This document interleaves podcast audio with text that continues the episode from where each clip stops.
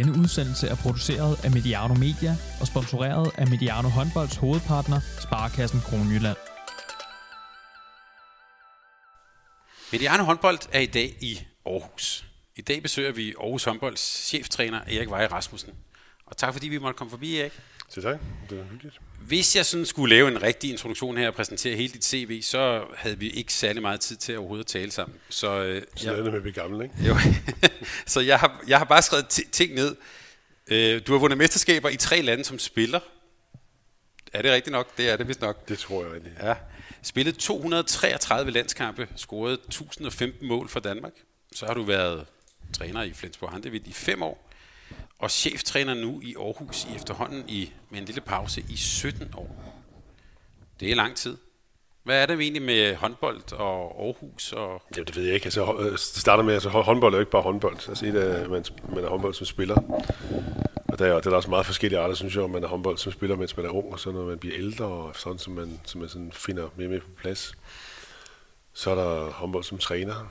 Og nu havde jeg jo så en lang øh, overgang som spillende træner indimellem. ja, ja. Det er også en helt speciel disciplin. øh, og håndbold som træner, det er jo, det, det, der indgår mange ting. Der indgår selvfølgelig håndboldspillet, som jeg holder rigtig meget af. Men der indgår også alt det andet omkring spillerne, omkring udvikling, omkring øh, hvordan spillerne fungerer sammen osv. Så, videre. så det er sådan meget bredt spektret i grunden. Ja, men hvis man kigger på din, sådan, din spillerkarriere, der, jeg tror, jeg kom til at sige på et tidspunkt, at du var lidt rodløs. Du har i hvert fald været i mange klubber. Øhm, og så, så det står jo lidt i skarp kontrast til at være sådan det samme sted her i, i knap 17 år. Ja, men det, det hænger, hænger nok også sammen med, at, at jeg tror, at de der skifte, jeg havde, det var ikke, fordi jeg var rodløs. Det, der, var, der var altid en god grund til det. Mm. En uddannelse, man skulle hjem til. Ikke? Øh, For eksempel i Gummersbak, Gummersbak hvor jeg var vanvittigt glad for at spille og, og, og være, og hvor det gik rigtig, rigtig godt. Der tog vi hjem øh, efter to år, fordi min ekskone skulle mm. på sygeplejerskolen. Ja. Øhm, så var jeg i Nældested, så tog jeg hjem derfra, øh, i forbindelse med at fortsætte med mit lærerstudie. Og, så der har altid været en grund, og, og det sjove var faktisk, at jeg så tog hjem til Danmark på et tidspunkt, så valgte jeg at spille i Valkilde Høve, fordi jeg gad ikke spille nogen ligaklubber, og nu vil jeg prøve at se, om jeg kunne få min landsby op i første division, eller Ja. det som det hed dengang. Ikke? Så, ja. så det har altid været sådan en, en ydre omstændighed, der har, der har styret det mere end, end i håndbolden, kan man sige. Men altid også tænker jeg, hører dig også sige med en, det der med, at der skulle være en udfordring. Øh, altså det, at, at spille Valkilde Hørve op er jo, det, de fleste vil kalde en fin udfordring. Øh, Jo, men jeg tror egentlig også, at, og det, det, det er faktisk sjovt, fordi øh, jeg har aldrig, aldrig rigtig gået efter at komme til at spille, hvad skal man sige, de bedste steder. Det var mere tilfældigt, at jeg røg ind samtidig. Mm. Øh, fordi udfordringen var den samme. Så jeg tror egentlig, det det ord, så har det faktisk faktisk aldrig rigtig tænkt over. Øh, genialt. Mm. Tak for det. Øh, så jeg tror egentlig, jeg har altid haft det sådan, at, at øh, jeg kom til en ny klub, og om de lå i bunden, eller i midten, i eller toppen osv., udfordringen var den samme for det bedst mulige ud af det her. Men jeg tænker, bare lige det, jeg er lidt nysgerrig på det der, hvorfor lige Aarhus? Altså hvad er det, der har tiltrukket Jamen, altså- dig ved stedet her, og, og, og klubben? Og, Jamen i starten var der ingenting. Altså, realiteten var, at vi var i Flensborg og skulle hjem til Danmark. Og øh, så havde, havde jeg fire børn, øh, som lavede alle mulige forskellige ting, uddannelsesmæssigt. Og ja, det var så små dengang, men mm. altså, vi vidste, at vi skulle i gang med et eller andet på et tidspunkt. Ikke? Den ene dansede ballet, den anden spillede håndbold, den tredje lavede noget tredje. Øh, og der var Aarhus et fantastisk sted. Dels fordi den havde alle de muligheder, som, som, øh, som der kunne blive behov for. Øh, og samtidig også, fordi hvis jeg ville leve i håndbolden, så havde jeg den, den tanke, at netop i Aarhus, der ligger jo 8-9 klubber lige rundt om, så hvis det skulle være håndbolden, så var det jo nok den, et bedre sted at være end, end København, kan man sige. Hvordan har, øh, nu hopper jeg lidt i det, hvordan har håndbolden i Aarhus det egentlig? De er jo, altså hvis du ser sådan på sådan øh, håndboldmiljøet, øh, kulturen, Jamen altså, man kan jo sige, rigtig, rigtig mange har jo undret sig over i overvis, hvorfor vi ikke kan få et budget, som er til toppen af ligaen, øh, fordi øh, der er jo enorm, enorm sådan, øh, underskov af klubber, af spillere, masse ungdomshold, masse håndboldbegejstring herude, ikke? Øh, så også vi oplever det ude i hallen. Øh, så jeg tror, håndbolden har det rigtig godt i Aarhus. Øh, så er det bare stadigvæk et ønske, vi alle sammen har om en gang at, at få et, et budget, som, som gør, at vi kan gå og drømme om mesterskaber. Men, men øh, det er ikke rundt om hjørnet, og som du sagde før, udfordringen er jo den samme. Ja, jeg tænker, det er der også en særlig udfordring i. Øh, hvis vi lige er, øh, hvis vi lige bliver ved sådan det lidt aktuelle her, øh, der er jo lige nu, mens vi optager her, der øh, gør I klar til en tv-kamp i Holstebro. Øh, I mangler seks kampe, og der, hvis man sådan kigger bare enkelt på, øh, på stillingen, øh, så kan man sige, at der er hård, der er hård kamp om at komme med i, i slutspillet. Ja, det er en specielt hård kamp for os. Altså, jeg synes, det ser, mm. det ser svært ud nu. Øh, hvis ikke vi vinder i Holstebro i aften, så synes jeg, det ser rigtig svært ud. Mm. Øh, jeg havde nok en forhåbning om i går, at Sønderjysk skulle kunne slå Skanderborg. Ja, ja. Øh, fordi vi har et elendigt indbyggelsesforhold til øh, Sønderjysk, hvor vi har tabt stort. Øh, da det ikke skete, så tror jeg, det bliver meget svært. Vi skal i hvert fald have en, virkelig en stime nu, for hvis, hvis vi skal med. Så hvordan ser du så på, I har, I har seks kampe tilbage, jeg har slået op her, I mangler jeg Fredericia, Mors Thy, og så har I så slutter I hårdt af med Ribe Esbjerg, Skjern og BSO. Jamen, jeg ser sådan på det, at, at når vi kan slå Lemvi på hjemmebane, så er vores udfordring ikke tabellen, så er vores udfordring, hvordan vinder vi næste kamp. Mm. Og, og, det er også den, vi skal koncentrere os om i aften, så vi kan hente point op, op i Holstebro. Mm. Øh, så vi, vi behøver ikke regne så meget. Vi skal bare gå klar til at vinde nogle kampe. Ja. Ja, så det er den gode gamle, kan sige med en, en kamp ad gangen. ja, det kan, man, det kan man sige. Ikke? Men altså, det, det giver jo ikke nogen mening at gå og, og regne ud, hvor er vi henne med, med 10 point, hvis vi ikke kan få to. Altså, lige i øjeblikket, der, at vi har ikke spillet ret godt de sidste to kampe, og øhm, det er det, vi skal have ændret, og så må vi tage den bagefter det, resten af det. Hvad er det generelt for en sæson, I har været igennem i Aarhus håndbold? Det har været en meget turbulent sæson, mm. øh, hvor vi startede godt, men også mod, mod nogle bundhold. Mm. Så havde vi en rigtig svær periode, da modstanderholdene fandt ud af, at det går offensivt 6-0 mod os, og det viste sig, at, at, at de spillere, vi havde, som jo spillede 60 minutter, at det, det kunne de ikke løse. Øh, og vi kunne ikke løse det strukturelt, og, og så har, har vi sådan haft rigtig meget brændslukning, øh, hvor vi så skulle øh, finde, finde forskellige strukturelle måder at bryde det her op på, som ikke kan bryde op rent spillemæssigt. Vi har, vi har manglet lidt sådan en mand-til-mand-spiller, som kunne sætte modstanderne, og det er jo ikke så godt, når modstanderne vælger at dække offensivt 6-0 hver eneste gang. Så det har sådan været lidt op og ned, vil jeg sige.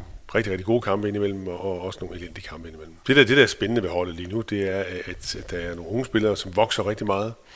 De kommer tættere og tættere på de andre. Og det, øh, det lover selvfølgelig rigtig godt for næste år, øh, hvor vi også har en stor udskiftning. Øhm, men samtidig så, så gør det jo heller ikke valgene nemmere øh, under kampene, fordi nu er det ikke så indlysende mere, hvem der spiller og hvem der ikke spiller. Det har været en turbulent liga i år. Mm. Altså, der, der er jo stort set, altså Aalborg har været stabil, ikke? Ja. Og så er der mange af de store hold, der har spillet langt under for forventning, altså i betragtning af de, de budgetter og spillere, de til rådighed. Og så har vi ned, ned igennem rækkerne, vi har en Kolding, som, som måske kender med at ryge ud af rækken. Mm. Øh, de skal passe gevaldigt på nu, ikke? Ja. Vi har også selv, som jeg synes, jeg synes det var skuffende. Øh, det vi har leveret, vi har, det har været op og ned selvfølgelig, ikke? Men, men, men sådan generelt, så havde jeg forventet mere. Mm. Øh, så det er, altså, det er meget få hold, øh, der kunne være sådan tilfredse med sæsonen indtil nu, som den er forløbet. Mm. Hvordan, vil du, hvordan ser du niveauet? Er vi pil op af, pil nedad? Ej, jeg, jeg, synes, jeg synes i år nok, at vi må sige sådan en pil nedad. Mm. Øh, når jeg sidder og ser kampene, jeg synes, altså, også i går, jeg, jeg, jeg, da jeg sad og så Skanderborg Sønderjysk, jeg, jeg sidder og undrer mig over øh, niveauet. Mm. Det er så også vores eget niveau. Jeg synes, der er... Det, det, det har sammenhængende har ikke været de samme. Øh, der er for mange spillere, der sådan psykologisk falder ud. Øh, så ser man pludselig hos BSH Nikolaj Markensen så ikke skyde for 7 meter, fordi han er blevet usikker. Ikke? Så ser man det fra andre klubber. Øh, det samme øh, topspillere, som pludselig ikke rigtig vil og ikke rigtig tør også, øh, altså så videre. Det, jeg, jeg, ved ikke, jeg ved ikke, hvad der sker lige i øjeblikket. Det er måske den der med, at man skal ind, ind i top 8. Og, men i hvert fald synes jeg, at det har faktisk ikke været nogen god sæson i forhold til sidste sæson, synes jeg. Jeg tænker, øh, øh inden for fodbold, der taler man meget om at have en som træner, man har en fodboldfilosofi og sådan. Hvad, hvad er egentlig din håndboldfilosofi som træner? Altså igen, træner, trænerarbejde består af mange ting, ikke? Så hvad, hvad er sådan, altså det, det består både af, af den, den, den mandskabsbehandling, ikke? Og det består af, af, af selve, skal man sige, det strukturelle håndboldspil. Øhm, jeg tror ikke, jeg har nogen speciel filosofi. Øhm, tager udgangspunkt i de spillere, jeg har. Øh, prøver at selvfølgelig forbedre dem enkeltvis. Prøver at sætte et spil sammen, som passer til dem. Og så kører vi derfra. Øhm, Selvfølgelig er der nogen, der har en forkærlighed for 6-0 defensivt, 6-0 offensivt, eller noget andet. Ikke? Det er jo typisk øh, noget, noget at gøre med, hvad træneren selv kan finde ud af. Øh, mm. men, men, øh, men altså den der med at have en håndboldfilosofi, som spilleren skal presses, presses ind i, det, det, det har jeg ikke. Mm. Men hvordan kan man så se på dig, at det, eller se på holdet, at det er dig, der træner? Ja, det kan man sgu også heller ikke. det, det tror jeg ikke, man kan. Altså, der, der opstår sådan nogle klichéer, der opstår sådan nogle øh, ting, som alle går og siger, ikke? At, at, at man skyder på alt, at man ikke spiller struktureret mm. osv. osv. Ikke? Altså, når jeg sidder sådan og, og, og gennemanalyserer kampe, øh, så, så sker der jo dybest set det samme på alle hold. Ikke? Altså, holdene kommer op i angrebet, de starter med en angrebsåbning, ikke? En, en rundgang eller et fransk kryds eller et eller andet, ikke? og så sidder en screening et eller andet sted. Og så ender det jo oftest med, at, at den åbning ikke giver noget, og så er det i virkeligheden øh, de individuelle kompetencer, kompetencer efterfølgende, hvem er i stand til at, at ud fra den dysbalance, der nu er kommet i forsvaret, er i stand til at udnytte det til så at sætte en mand eller, eller, eller lave et mål. Så altså, der er jo ikke en stor forskel i, i sådan det strukturelle, som, som holdene spiller. Mm. Til gengæld er der kæmpe forskel på evnen til at læse øh, den opstilling, der så kommer efterfølgende, og være i stand til at holde presset, og være i stand til at lægge presset det rigtige sted, og så videre. Der er jo kæmpe forskel, og der er det jo enormt fedt at have nogle spillere på holdet, som, som bare løser det. Jeg tænker på en Smarson, jeg tænker på en Morten Balling nede i, i, øh, i Skanderborg. Han er mm. rigtig, rigtig dygtig mm. til det. Ikke? Øh, Mikkelborg, som vi skal møde i, i aften. Ikke? Mm. De, de, er der, de er der jo rundt omkring, de der ene, men det er jo også derfor, de er, at man skal have en stor tjek efterfrem, som det mm. Men hvis, hvis, øh, hvis det handler meget om de der individuelle kompetencer, at kunne tage den der duel øh, på de rigtige steder, hvad, hvad er så din rolle som træner for at få det til at lykkes? Jamen altså, man kan, når vi tager de hold i øjeblikket, vi tager sådan et hold som Aalborg, ikke, så er der jo vanvittigt meget i den sæson her, som de har spillet, som har været rigtig, rigtig god, ikke? som er startet med, at Smarson, han sætter en mand. Mm. Han skaber en forspring et eller andet sted. Ikke? Hvis tager BSV i overvis, har de jo haft en, en skubbe, som har startet samtlige pres op stort set, ikke? ved at, at skabe et forspring til en eller anden. Ikke? Ja, der kan man sige, hvad er trænerens opgave? Jamen, det er jo at sætte tingene i gang, og, og, og skal man sige, selvfølgelig også få timingen til at sidde i skabet efterfølgende, altså når, når vi så har skabt den her ubalance, eller vi har skabt det her forspring, øh, hvem kommer hvor, hvornår, og så videre. Ikke? Så, så selvfølgelig er der, er der jo ting til over til træneren, men, men det er klart, at når, man, når, når vi sidder i en situation, hvor vi ikke har en spiller, der sætter en, en modstander, eller som kan lave det første pres hver gang, så er det jo en anden problemstilling, pludselig man kommer ind i. Øhm, men ikke den uløselige. Hmm.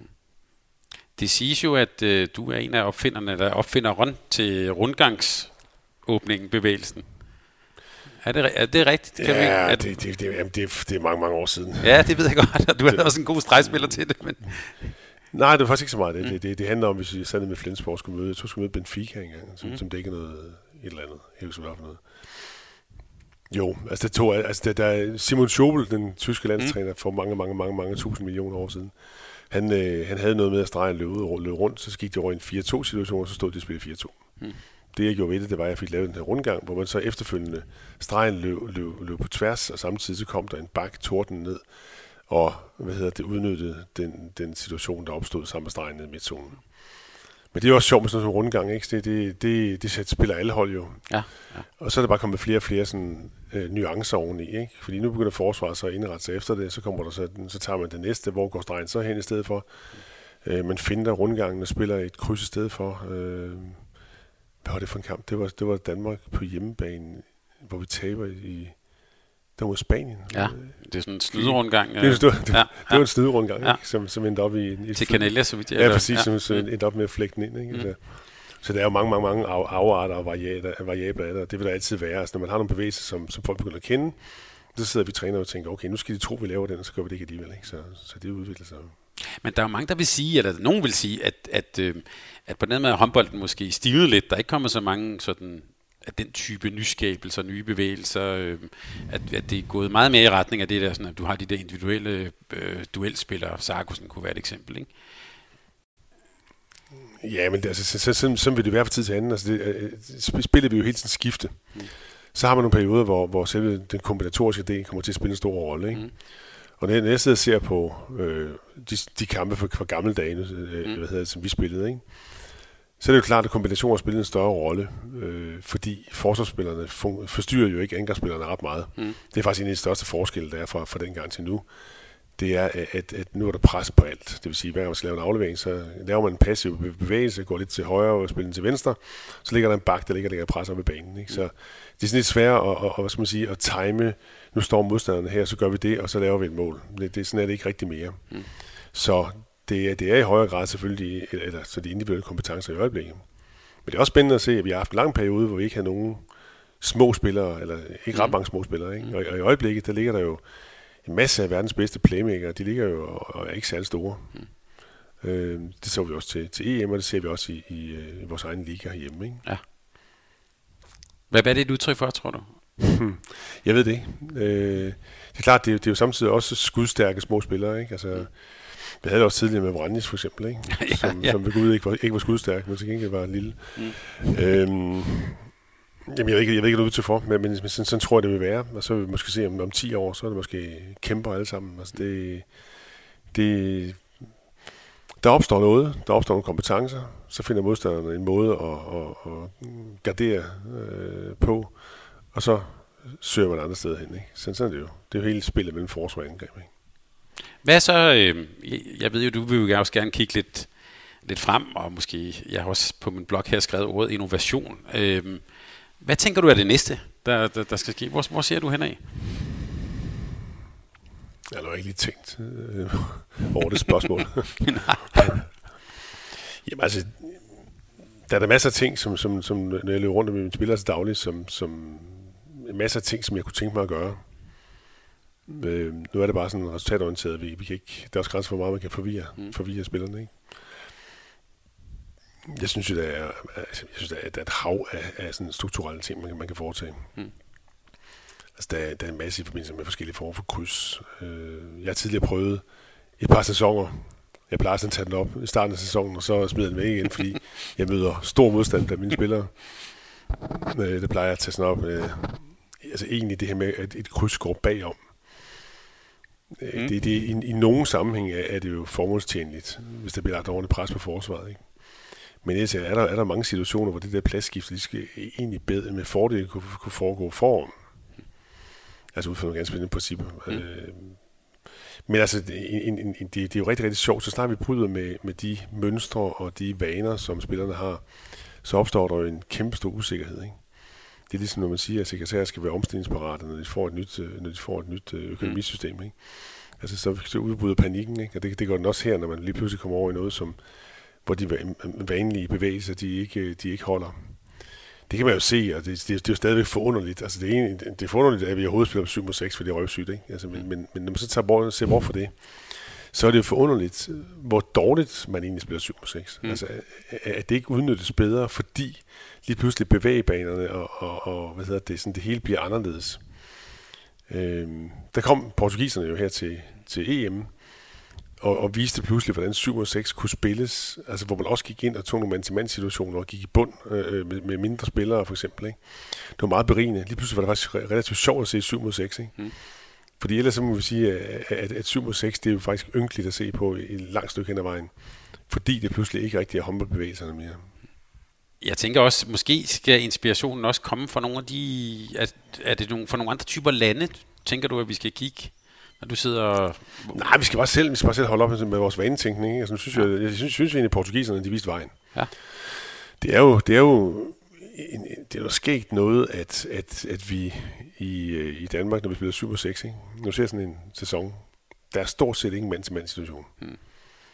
Fordi vi nu er, uh, vi kan tælle, så bliver vi enige om, at uh, vi er en mere end de andre.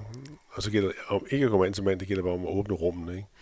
Det der problemet, det er, så åbner vi de her rums, og det bliver sådan lidt, ej, skal, skal ikke, og modstanderne tror ikke rigtig på, at det er alvor, og sådan og så videre. Ikke? Øhm, det var sådan en, en handske, man kunne, man kunne tage op, øh, og så få, få det med, og få, og få et ordentligt presspil ud af det, det hele taget sådan komme kom ind, kom i lag med forsvaret. Ikke?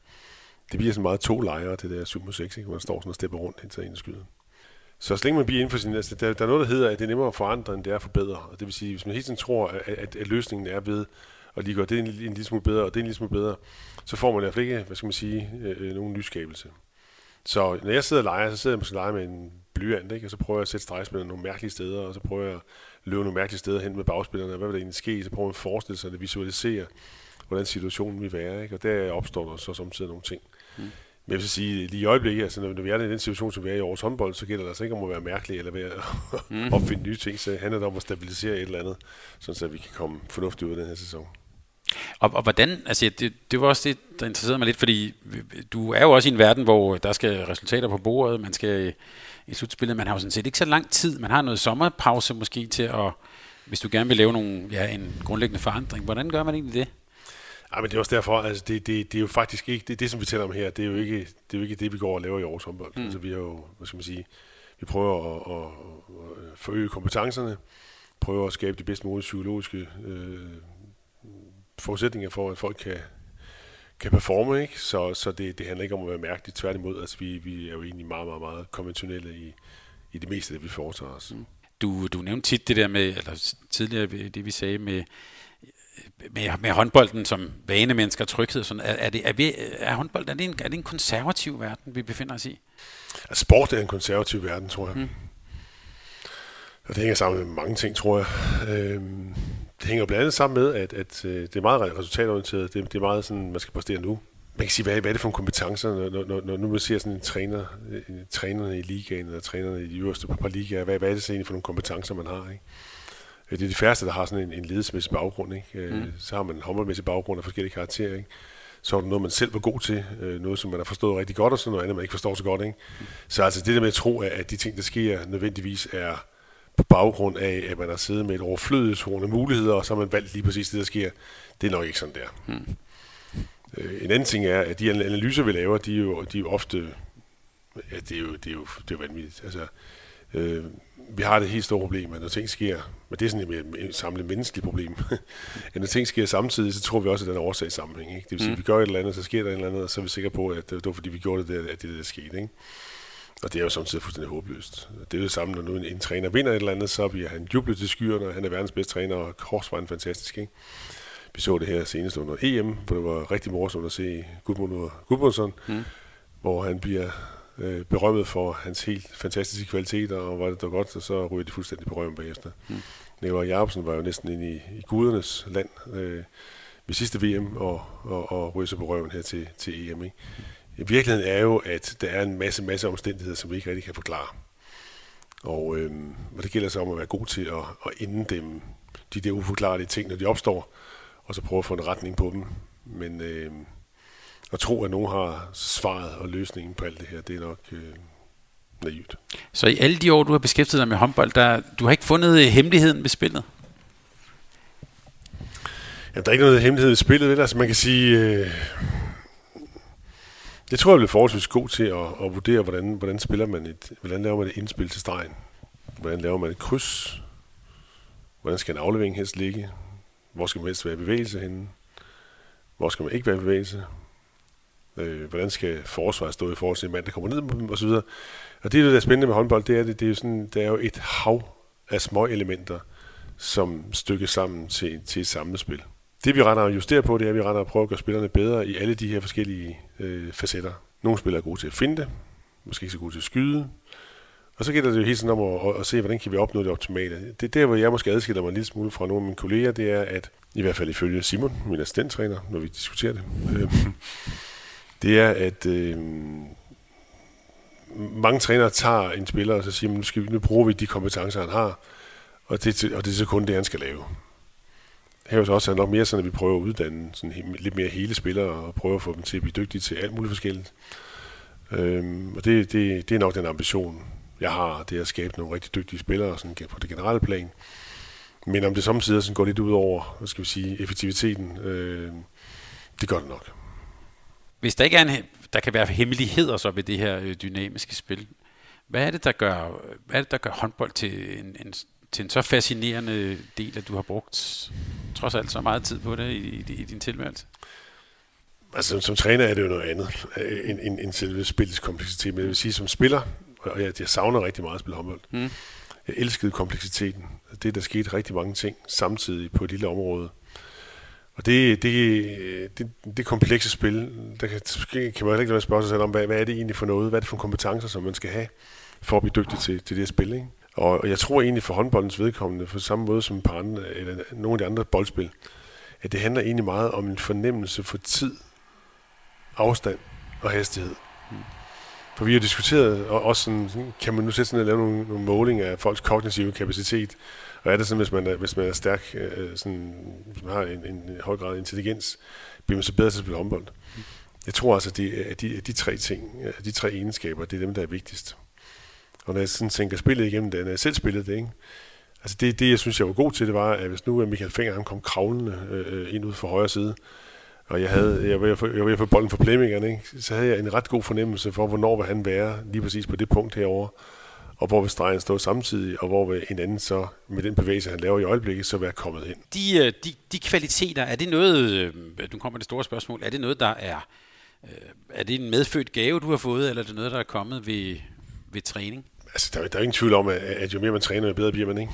Øhm, jeg tror, noget, noget af det er også, øh, altså, det er også en del af ens øh, DNA. Altså, i den sammenhæng kan man også nævne sådan noget som, som delt opmærksomhed, altså evnen til at dele sin opmærksomhed på flere ting. Ikke? Altså, når en spiller løber, løber over af banen, ikke? så kan man også se, at nogle gange, så løber der en spiller over af banen, og han ved lige præcis, hvor han selv er, hvor bolden er, han ved ikke en skid om noget som helst andet. Hmm. Så er der en anden spiller, der løber over af banen, som har en fornemmelse af sig selv og bolden, og så en, en spiller over til højre. Ikke? Og så er der de store spillere, som løber op ad banen, og man har en fornemmelse af, at de tager sådan en radar, der lige sådan scanner hele vejen rundt, og så ved de, hvor de forskellige spillere de er hen, og så har de truffet en beslutning om, at nu går jeg efter at spille ham derover. Og hvis ikke han er fri, så kører jeg over, så får han den i stedet for. Altså det vil sige, at man ikke bare lavet en del opmærksomhed, men også lavet en prioriteret opmærksomhed, sådan så man ved, hvad man har tænkt sig at gøre, hvis, hvis, hvis, hvis de forskellige øh, ting lukker til. Og den der opmærksomhed, den, den er også vanvittigt vigtig. Men er det noget, du igennem din karriere som, som, som spiller, var det noget, altså det er vel ikke noget, dengang, det var ikke noget, man trænede, talte om, nej, men det, cognitive det, load og nej, den der ting? Nej, men det, det er sjovt, fordi jeg, jeg, jeg, jeg prøvet at begynde at træne det her, det gjorde jeg sidste år med nogle spillere. Og problemet, problemet er jo, at man kan gøre det, og så kan man ikke, man kan ikke måle det, fordi det er jo, det er umuligt at opstille en forsøgs scenarie, ikke? Men, men øh, der prøver jeg at lave en, en, en del øvelser, det er med de fitlight, som jeg, som jeg ja. har, og så nogle altså bold samtidig. Altså man skulle lave sådan en tre-fire forskellige ting samtidig. Det, øh, Altså lidt, lidt ligesom altså noget, der kom frem for nogle år siden, det hed Live Kinetic. Det var sådan noget, man stod og jonglerede med nogle bolde, og så skulle man øh, altså helt tiden udfordre sine sanser, og så, så man mestre det ene, så skulle man i gang med noget andet. Ikke? Øh, Dortmund, da de vandt mest, tysk mesterskab, der, de, der lavede de det der, og så var alle enige om, at det der, det var den eneste vej frem. Mm. Så næste år med det samme hold, så var de ved at rykke ned, og de lavede stadigvæk live kinetic, mm. så, så ved jeg ikke, hvad der skete med det. og det er tit noget lort, ikke? Øhm, Nej, jeg ved ikke, om vi, kan, om vi kan træne de der forskellige egenskaber løsrevet. Det, øh, jeg har lidt en idé om at skulle prøve det næste år. Mm. Øh, det er jo interessant, men næsten umuligt at isolere og, og finde svaret på. Men det er, men det er jo påfaldende. Altså, vi, vi, hvis vi prøver at se, øh, tage, tage nogle spillere, ikke? Øh, nu laver man et eller andet overtagelsessystem, hvor spilleren skal hoppe op, og så skal han enten spille stregen, eller skal han spille fløjen, eller skal han gøre noget andet hvor svært nogle spillere har vi det, hmm. og hvor nemt andre spillere har vi det. Det er jo påfaldende. Og, det, og der, er jo, der er jo nogle egenskaber der, som, som ikke har at gøre med, hvor højt man kan hoppe og hvor hurtigt man kan løbe, men simpelthen om man er i stand til at øh, hvad skal man sige, holde de der muligheder åbne til en handling til sidst i bevægelsen. Dem, der kan huske at bruge spillerbær sammen med, med Nødesbo nede i Kolding på et tidspunkt, det var jo det mest sublime, jeg nogensinde har set. Mm det var jo umuligt at dække op. Ikke? Og der var Spillerberg jo også helt unik i hans evne til at, at vente til, altså efter han, han havde hængt i luften i kvarters tid, og så øh, træffe nogle beslutninger til allersidst. Men det er et spændende element, fordi hvad fanden er det for noget? Fitlight, der kan vi jo godt lave, lave et reklame for her, øh, er jo, ja hvad er det egentlig for noget? Det synes jeg næsten selv, du skal fortælle. Jamen altså, det er jo, jeg opfandt for mange år siden, der hed det Octopus Trainer. Det var sådan en, en apparat med nogle ledninger i og sådan noget sammen med nogle svensker, og så gik jeg sammen med en kanadier her for fem år siden, og, og, og så lavede vi Fitlight. Øh, jamen, det er jo egentlig en lampe, der lyser, og så er der en sensor i, og det vil sige, at fører hånden hen foran en sensoren, så slukker lampen, og så tænder der en ny. Og det sælger vi jo så alle NBA-hold og alle Premier League-hold, og altså det er overalt i, i verden, der er topsporten har købt dem. Mm. Øhm, jeg bruger sådan mest tiden i øjeblikket på at få implementeret den på plejehjem og, og i forhold til demente mennesker mm. og sådan noget. Men, men, men altså, det, det, der, så uni- det, det, der, det der er fedt i forhold til det, vi snakker om her, det er, at man er i stand til at lave nogle, nogle øvelser, ligesom fodboldspillerne også gør. Øh, de, de laver meget sådan noget, at de skal spille fodbold, øh, spille sammen med træneren, samtidig med, at de skal slukke lamper. Steph Curry, som er en af verdens bedste basketspillere, han lægger helt sådan en YouTube-video op, hvor han står og dribler. Øh, samtidig kommer der en lampe op, den blå eller rød, så skal han slukke med venstre eller højre, og så samtidig kaster han en tennisbold op ad væggen. Så det er sådan for at øve den der kompleksitet og, og og den delte opmærksomhed og være i stand til at handle øh, på mange parametre samtidig. Nu skifter jeg lige emne, der vi, for lige blive lidt i det her med inspirationen her. Øh, du har været rundt mange steder i håndboldverdenen. Er der nogen sådan trænere eller kolleger, som har været særlig inspirerende for dig, som du tænker tilbage på? Eller stadigvæk måske giver inspiration? Øh, det ved jeg ikke. Altså, rent faktisk, da jeg var, da jeg var 27 år gammel og, og egentlig på mit højeste, og, og gik hjem og spillede 3. division, øh, der var fordi, jeg gad ikke have flere trænere. Og så valgte jeg at blive spillende træner der, og så, og så derfra så var jeg så spillende træner indtil jeg, hvad hedder det? Ej, jeg havde et, et, et, enkelt år i Essen, hvor jeg, der var der mange regninger, så jeg skulle lige ned og tjene penge. Men ellers så, øh, så var jeg spillende træner derfra, fordi jeg ikke gad have flere trænere. Det overgår jeg simpelthen ikke. Så jeg ved ikke, jeg, jeg har der været træner, jeg har været glad for. Jeg synes, de var rigtig søde og rare og flinke. Og, men inspiration, det, det ved jeg ikke rigtigt. Og selvfølgelig er der nogen, der, der har været inspiration på forskellige områder. Ikke? Altså, jeg var meget... Øh, jeg har været meget imponeret af, øh, sådan som Leif Mikkelsen, hvad han var i stand til at, at skabe med, med de forudsætninger, han havde til rådighed. Ikke? Mm. Øh, men altså, jeg tror ikke, jeg kan sige, at jeg har haft sådan det store. Jeg tror, jeg har haft et, et menneskeligt idol i, mit, i, i mit liv. Og det var Jesper Juhl, øh, vores store tænker, ham der skrev blandt andet det kompetente barn, mm. omkring familie og, og forældres forhold til deres børn. Det tror jeg er det eneste rigtig store idol, jeg har haft. Der, der er en ting, du har sagt på et tidspunkt, som jeg synes var ret inspirerende. Det, var, øh, det kommer altid op i Danmark, det her med den danske jantelov. Øh, og så skal man jo helst sige, at den er dårlig. Men du sagde på et tidspunkt, at janteloven synes du var rigtig god. Mm. Eller jeg ved ikke, hvordan du udtrykte det. Jo, jeg, jeg, jeg, jeg har nok udtrykt noget lignende. Mm. Jamen altså, nu var jeg jo i mange år i Tyskland. Mm. Og der oplevede jeg jo rigtig meget den lille tysker, den lille arbejder, som blev betalt rigtig, rigtig skidt sidde og klappe i sine små hænder øh, af den store Mercedes, som kørte forbi der udenfor. Det er den måde, som det tyske... Altså, jeg elskede at være i Tyskland. Jeg var glad for at være i Tyskland. Øh, øh men den måde, som, som Tyskland hierarkisk er øh, struktureret på og skruet sammen på, og den accept, der er det, det, det, det fungerer jo rigtig godt, når man, når man gerne vil have en, en, en nogle stærke, øh, en stærk bilindustri, ikke? hvor folk står for øh, og får 7, 7 år i timen, ikke? Øh, og folk accepterer deres placering. I Danmark der er det jo typisk sådan, at, at det vi kalder en lille mand, hvis den så eksisterer, altså, men, men arbejderklassen mere, mere vil stå og, og, og, og grine af den store Mercedes måske, eller, og, og, og, det er en form for, for jantelov. Ikke? Og på den måde er der jo i janteloven selvfølgelig en hæmmende, en hæmmende øh, øh effekt, men der er også en eller anden form for selvopholdelsesdrift øh, øh, i den, på den måde, at, at, at rigtig mange mennesker siger, jamen du skal ikke tro, du mere, mere end mig. Altså det kan godt være, at du har flere penge, eller du har opnået et eller andet, men, men, men, men jeg har jo lige så meget berettigelse til, lige så meget ret til at være, som du har. Ikke? Så på den måde, øh, altså, jeg er klar over, janteloven i sin yderste, yderste konsekvens, vi kan sagtens opstille scenarier, hvor det er noget frygteligt lort, ikke? og folk de ikke tør gå efter noget som helst, fordi de er bange for, øh, hvad omgivelserne siger, og det er også noget lort, selvfølgelig alt det. Men har også sin, sin positive side, det har den.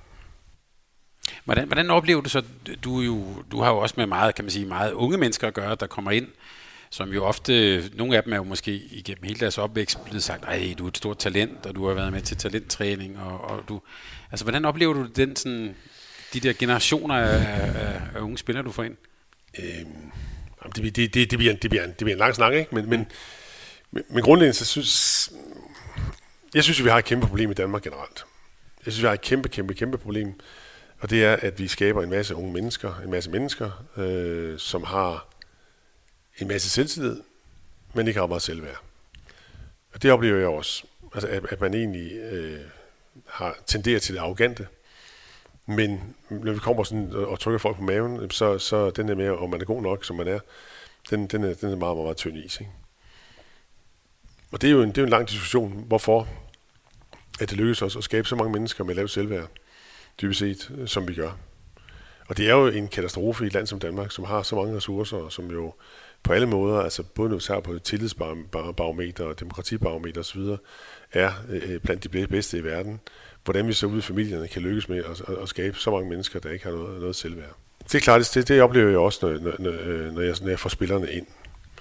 Og det er jo dybest set, øh, kan man sige, nu Jesper Juhl, som jeg omtalte før, mm. han var en af de første, tror jeg, som, som rigtig splittede det op i, i selvværd og selvtillid. Ikke? Altså, som, man, som man så talte om, at, at selvværd, det er, når man får at vide, at, at du er god nok, at du er værd at elske, som du er.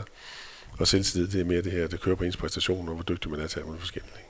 Og der tror jeg, en af tingene er ganske givet også, at vi tilbringer mindre og mindre tid sammen med vores børn. Og det vil sige, at, at, det, at det, det, som man kunne kalde sådan den der, det samvær, det vi kalder opdragelse, det ender med at blive ros for noget, som man er god til. Og, og, og det er jo ikke det, et barn har behov for. Et barn har behov for at vide, at jeg elsker dig, uanset hvad du præsterer. Og hvad, hvad, gør, det for, hvad gør det for dig som, som, som træner? Altså, hvad, hvilken udfordring giver det? Er der andre ting, du skal tage fat på? Øh, er der andre ting, du ikke kan sige? Øh, hvad er konsekvensen for en... Ja, det kan også være en leder, hvis vi skal tage det perspektiv.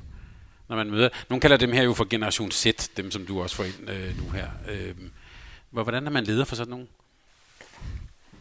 Altså, der er jo ikke nogen tvivl om, at, at altså, det, det, det, er jo, det, er jo, det er jo enormt svært, fordi mennesker er så, sam, samtidig med, at vi er ens på bunden. Ikke? Der er noget, der hedder det, det mest personlige, det er det, det mest generelle. Mm.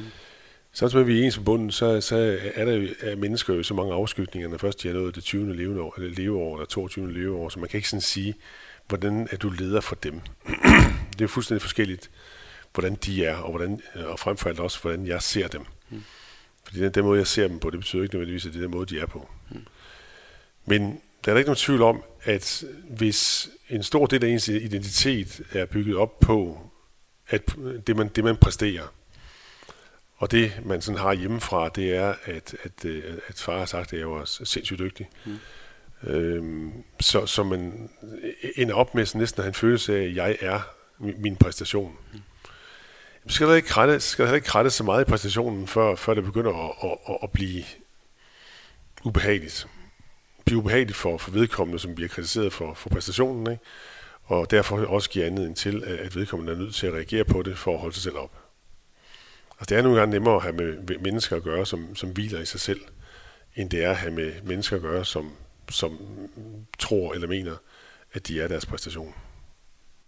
Jeg tænker også, at vi, når jeg tænker sådan håndboldmæssigt, så tænker jeg også på, at det er jo, hvis, hvis vi har den her unge mand, som, hele, som hvis, hvis, store, hvis en del af identitet, identiteten handler om hans præstation, så kommer han ind til dig. Det er topsport, I skal vinde. Øhm, han laver nogle fejl og bliver revet ud eller lignende. Øhm, så, er vi, så begynder vi jo virkelig at kratte i det der, tænker jeg.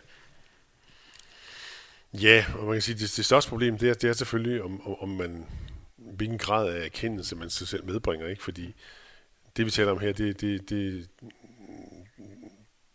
det medfører så ofte også, at man måske ikke lige selv er enig i, at det gik så godt. Mm. altså, det er klart, jo, jo, jo, jo, jo mere det koster, at så, ikke, så er det dig, der er en idiot. jamen det vil det, det vil det, altså man kan sige, det, der vil være en tykkere skal, det, det, det må man jo sige. Mm. Altså fordi øh, det, er jo, det er jo svært at, og, hvad skal man sige, at sige, at jeg var godt nok skidt i dag, hvis, hvis man har en oplevelse af, at det, at man var skidt i dag, det medfører, at man var et, et dårligt menneske, eller at mm. det, hele verden er presset sammen. Ikke? Så derfor er det jo, altså, vi, vi gør også meget ud af vores håndbold. Vi vil rigtig, rigtig gerne have, at de tager en uddannelse ved siden af, og, og, og, og har et, et, et liv der. Ikke? Øh, derfor træner vi også senere på dagen, de andre klubber gør. Øh, og det tror vi er sundt, både på længere sigt, men egentlig også på, på kort sigt. Hvis vi lige er med det med, med, med holdet og opbygge hold og sådan noget, hvordan, hvordan tænker du, nu har du spillet i Tyskland blandt andet, så jeg blev jo nysgerrig på, hvordan tænker du om det der begreb, et hierarki på et hold? Skal der være sådan et? Jamen, det er sjovt, fordi ja, jeg spillede i Tyskland, men jeg spillede i Tyskland på et tidspunkt. Øh, altså, det var, det var for, det er mange, mange år siden. Ikke? Mm. Og dengang var der jo, øh, altså det var, det var en helt anden verden, ikke? Øh, end det er i dag. Altså, der var jo meget, meget klare hierarkier, ikke? Øh, og de, af de steder, hvor der ikke var så klare hierarkier, der var til gengæld masser af slagsmål, ikke? Altså, sådan, der, der gik man til den, ikke? Jamen altså, jeg har spillet, igen, hvad er min erfaringsbaggrund? Jeg har spillet forskellige steder. Jeg har spillet i Gummersbach, blandt andet i Tyskland, ikke? Og ja, det tror jeg, det var sådan, at min træner skiftede aldrig ud. Der var syv, syv der spillede, og så i forbindelse med sygdom eller rødt kort, så skiftede han ud, eller så skiftede vi aldrig ud. Så der blev selvfølgelig et klart hierarki, og der var det jo fuldstændig entydigt, hvem der sad for til bussen, og hvem der sad bag til bussen. Ikke? Men det, var, det, var jo, det var jo godt, når nu man så vinder mesterskabet, og, og det hele det fungerer. Ikke? Øhm, og det er jo sådan, som med så meget andet, er et hierarki godt eller skidt? Tja, det, lad os starte med at sige, vi har, vi har set mange fodboldhold, for eksempel, hvor der er nogen, der kommer til at ligge i toppen af hierarkiet, som er der på grund af, at de har, er meget grove, eller på grund af, at de har præsteret en gang. Og hvis, de der, og hvis toppen af hierarkiet er nogen, der har præsteret en gang, eller som nogen, der kan holde, holde de andre bag i skak, så er hierarkiet jo enormt usundt. Så får man jo ikke de ressourcer øh, op, op øh, så, som, som er beholdet. Hvis, hvis hierarkiet er, er stærkt på den måde, man har en siden i toppen, som jeg plejer gerne at nævne Jesper Jensen, fordi han var også en, der kunne, der kunne styre, styre en kamp. Ikke? Mm. Hvis man havde sådan Jesper Jensen siddende på toppen af, øh, af hierarkiet, som var, som var venlig, og som, og som hvad hedder det, øh, kunne arrangere spillet, kunne sørge for, at alle kom til fadet og, for, og, og vandt kampene, men så er det jo så er der ikke noget bedre end, end, end, end et stærkt hierarki, øh, hvor der sidder nogen, der gør de rigtige ting, der siger de rigtige ting, der er hensynsfulde, og som sørger for, at tingene går i den rigtige retning. Så jeg, jeg tror ikke, man kan sige, at, at hierarki er noget godt eller noget skidt. Det kommer an på, hvem, hvem, er, hvem er nede i gryden, ikke? Og, og, og, hvad er det for nogen, der, der sidder toppen af, af hierarkiet. Men jeg tænker, til den kommende sæson, der er i hvert fald noget udskiftning på dit hold i Aarhus Jamen, der er en helt vanvittig udskiftning. Ja. Jeg har allerede besluttet mig til, at jeg tror, at de første 7-8 øh, arrangementer, de kommer til at foregå allerede den første måned. Ja. Øh, og så skal vi finde ud af det. Det bliver rigtig, rigtig, rigtig spændende. Men, men er det så, at det, du må lige forklare mig, er, er, er man så i en situation, hvor alt er op for grabs, eller der er ikke noget hierarki, eller... Ja, altså det, til eksempel det er jo lidt værre i, vores, i vores, på vores hold i hvert fald, ikke? Hmm. fordi de mest markante spillere er også dem, der, der, der smutter. Hmm. Øh, så det bliver rigtig, rigtig spændende. Men der er det også sådan, når man, så skal danne et hierarki, eller man skal finde en rollefordeling, eller hvad man skal kalde det, ikke? så skal man, skal man også gøre sig klart som træner, at, at, at man kan jo ikke bestemme. Man, man, man kan prøve at understøtte nogle ting, men, men, men øh, det er jo noget, der opstår mellem mennesker. For eksempel, det var sjovt i Flensborg, der havde jeg en, der hedder Andrej Klimovic, som måske var min næsten vigtigste spiller. Eller en af dem i hvert fald. Og han faldt jo, han faldt jo øh, dybt og tungt ned igennem hierarkiet, øh, hver gang jeg ikke holdt ham oppe. Og det hang sammen med, at mange af de normer, der var omkring øh, biler, tøj, øh, hvilke klikker man gik i, øh, hvor man var henne og så videre, ikke? Dem, dem kunne han slet ikke leve op til. Hmm. André fra Hvide Rusland. Mm. Øhm, så så der, der havde jeg en kæmpe opgave i hele tiden at spørge ham, når vi sad til spillermødet, hvad mener du, Andrea, hvordan skal vi gøre det, og så videre. Så, så jeg hele tiden holde ham et eller andet sted oppe i hierarkiet, fordi han var så vigtig spiller på banen, så det var nødvendigt. Men, øh, men det, er, det er næsten umuligt at holde folk et eller andet sted, hvor, hvor, hvor gruppen ikke naturligt øh, mener, han, føler, han hører hjemme. Hmm. Men det, det vi kender spørgsmål om, hvad, hvad, altså, hvad, altså et hvert hierarki kræver jo et pointsystem altså, du, du, kan have, du kan have et, en samling mennesker, ikke? Hvor, hvor, hvor det at kunne være mest tof, øh, svine andre mest, øh, spille mest smart, at det er det, du kommer op i toppen her kigge på. Der kan være andre øh, hierarkier, hvor, hvor, hvor, det, hvor det er det at være venlig ved andre mennesker, og være sød og rar, øh, som, som gør, giver en status. Så det er jo altid det her med, hvordan får man sikret, at pointsystemet på et hold er, er det rigtige. Og så kommer jeg igen med det, vi kan kræfte med, det kan man fylde, fylde øh, bøger med, ikke? Altså, så kan man, så kan man sige igen, hvad, hvad er altså så hensigtsmæssigt på et hold? Skal det være fred? Skal det være ro? Skal det være øh, sympati? Skal det være gnisten? Skal det være kampen? Skal det være øh, aggressiviteten? Hvad skal det være? Og det afhænger igen af, hvad type man har med at gøre. Nogle typer, typer går til grunde, når det bliver for hårdt. Andre typer lever bedst, når det bliver hårdt. Har, har du nogensinde lavet sådan bevidst smidt et par bomber, sådan bare for at... Nej, altså øh, jeg har grundlæggende, altså jeg har det grundlæggende sådan, at øh, den der med, at jeg som træner er lidt klogere end spillerne, og derfor så, nu gør jeg sådan, og så reagerer de sådan, og så gør jeg sådan, og så gør de sådan. Det er det med sådan, at nu skal jeg komme og snyde dem. Øh, det prøver jeg faktisk slet ikke om. Jeg synes, jeg synes det er en, en arrogant nedladende holdning at have. Øh, det her det er et ligeværdigt forhold. Øh, selvfølgelig prøver man at lave en pep-talk, selvfølgelig prøver man at, at skabe nogle ting, men det er jo inden for den aftalte ramme mellem spillere og trænere, at nu ved de godt, nu er det det der min opgave, det er at prøve for dem til at, at reagere og få den adrenalinmængde osv., som de skal bruge. Men det andet med sådan at gå rundt og, og sådan snyde, altså nej, det, det, det bruger jeg faktisk ikke. Hmm. Jo, men, jo vi, vi, altså, vi har tit diskuteret det, ikke? Altså, hmm. øh, øh, selvfølgelig gør man jo ting samtidig for at skabe en eller anden psykologisk effekt. Hmm. Men det er stadigvæk, synes jeg, inden for den aftalte ramme. Hvad bruger du nu? Har du nævnt uh, din, din gode uh, assistent Simon Sørensen et par gange her. Hvad, hvad, og du har haft jo forskellige assistenter undervejs. Så sådan, hvad, hvad bruger du egentlig din assistent til? Han er der henter kaffe. Ja. Ja, det er det hele. Nej, altså det, det, er som den optimale udnyttelse af ja, ja, ja, ja, ja, præcis. Ej, det har været meget, meget forskelligt fra, fra, ja, fra tid til anden.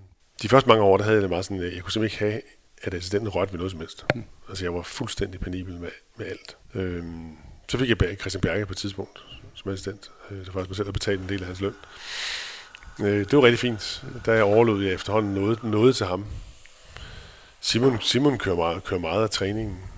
Meget fagligt dygtig og, og dygtig til at lave træningen. så sparer vi om alt med himmel og jord. Frem for vender vi alt på hovedet og, og, og kigger på det fra den ene side, og fra den anden side, og fra den tredje side, og tager ud og prøver at finde ud af, om det vi gør, om det er fornuftigt, ikke? eller det er på grund af vanetænkning. Så øh, ham bruger jeg meget til alt muligt. Men har du brug for en, der siger dig imod?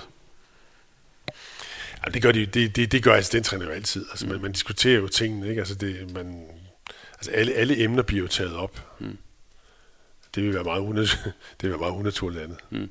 Jamen, jeg elsker jo diskussionen. For fanden. Hvor meget tid bruger I på at sige, øh, se video? Jeg, jeg, jeg spørger, fordi jeg kan huske for, er det to sæsoner siden eller sådan noget, hvor du fortalte, at I havde bedste resultater ved ikke at, ved ikke at sidde og, og video?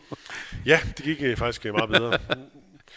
Jamen video, video er sådan et tosidigt svært, ligesom alt muligt andet. Øh, der er spillere, der er så dygtige, så de har stor gavn af at, at se video. De er i stand til øh, både at, hvad skal man sige, at få en masse informationer, og samtidig sådan skille tingene selv ad, og, og det går ikke ud over deres øh, kamppræstation. Så er der ma- mange andre spillere, hvor man må sige, at de egentlig bliver mere hæmmet, end de bliver hjulpet af, af en masse informationer. Det er klart, hvis nu, hvis nu vi ser... Øh, sidder og ser videoen og laver, så skal vi se på Morten Nybergs Radinovic-finte, og så laver han den træk en træk, og så husk lige Mortens Radinovic-finte, når du ikke kommer op øh, i mand-til-mand-situationen. Ikke? Det kan jo være godt, at man har den, den information. Men, men når sådan han går den anden vej, og man kommer til at, og, og sådan lidt for meget at stå på, på Radinovic-finden, og så går den anden vej ind i stedet for, jamen så havde det bare været bedre at ikke have, ikke, ikke have haft den information. Mm. Øhm, det kan være rart at se nogle spilåbninger, øh, hvor plejer de at løbe hen, hvornår. Og det gør vi også. Men, men, men spørgsmålet er jo stadigvæk, skal man lægge det så tæt på, så man gentager, gentager, gentager, øh, men nu skal I huske det og det og det det, øh, så får man selvfølgelig løst det problem måske, og så opstår så nogle andre. For man vil sige, i, dagen, i dagens håndbold, der er spillesystemerne en ting, men, men, men det er som sagt de individuelle kompetencer, når først ubalancen er kommet, der, der, der i sidste instans øh, gør forskellen. Så vi ser video, vi forbereder os, øh, så synes vi, vi har gjort, hvad vi skal. Øh, i, I hvilket omfang det er formålstjenligt, det tør jeg ikke sige. Hvad, hvad tænker du så om det? Altså, man, man nævner jo tit, at håndbolden er, vi er jo en lille sport, øh, og, og efter lidt både fodbold, øh, basketball basketball, amerikansk fodbold, sådan noget, hvor de har meget de der sådan øh, meget øh, skarpe analyseværktøjer med heatmaps og bevægelsesmønstre og sådan noget. Er, er, tænker du, at er det en vej? Altså man kan sige en videnskabeliggørelse af af sådan bevægelsesmønstre og så videre. Altså, jeg vil starte med at sige, at, at det er ligesom nogle af de her, det, som jeg møder, når jeg er rundt. Jeg har været rundt til nogle af de store fodboldklubber, ikke? og møder nogle af de her professorer, som sidder der. Og, og husk ned PSG, der brugte de halvanden, halvanden time bagefter til at, at gå, gennemgå data. Ikke? Jeg er for ret overbevist om, at noget af det, det er formålstjenligt. Og jeg er også overbevist om, at meget af det er noget plader. Mm-hmm. Der er jo ikke nogen tvivl, når du ansætter folk til en høj, høj løn, som skal sidde og kigge på de der bitte små detaljer, så kigger de også på de bitte små detaljer, og så vil de også synes, at det er meget, meget vigtigt med de små detaljer. Øhm. Amerikansk basket, der er jo ikke noget, de elsker så meget som, som data. Og, og, det er jo også, man kan sige, når man tager det som, som hele deres combine, alt det her med, altså hvor man udvælger spillere til de, fra college til, til, til top øh, NBA-delen, ikke? jamen så når man har så mange, som man kan få svin med det, så, så, så, så giver, det, giver det mere mening at kigge på alle de her data. Ligesom når vi snakker i Danmark, så er der også en lidt diskussion omkring det her med, om, om, om, om personprofiler, hvad de kan bruges til. Ja. Ja, det vil sige, på Mediano Håndbold har vi lavet en special om det for nylig. Okay, så. det er sjovt. ja, for det, det er også, synes jeg, øh, øh, sådan lidt noget, man kan tale om. Mm. Øhm, det er klart, hvis du har 40 basketspillere, der sådan stort set performer ens, jamen, så kan det give det rigtig, rigtig god mening at begynde at kigge de der små, små datadele. Ikke? Hvis jeg skal finde en højre bakke, som skyder med venstre hånd, ikke? Så er jeg altså fucking ligeglad, om han er rød, eller gul, eller grøn, eller blå, øh, og om han kan løbe et eller andet. Hvis, hvis jeg kan se på en bane, at han kan, han kan levere en god indsats, så prøver vi at se, vi kan få fat i ham. Øhm, så det handler om, hvad man bruger det til. Altså,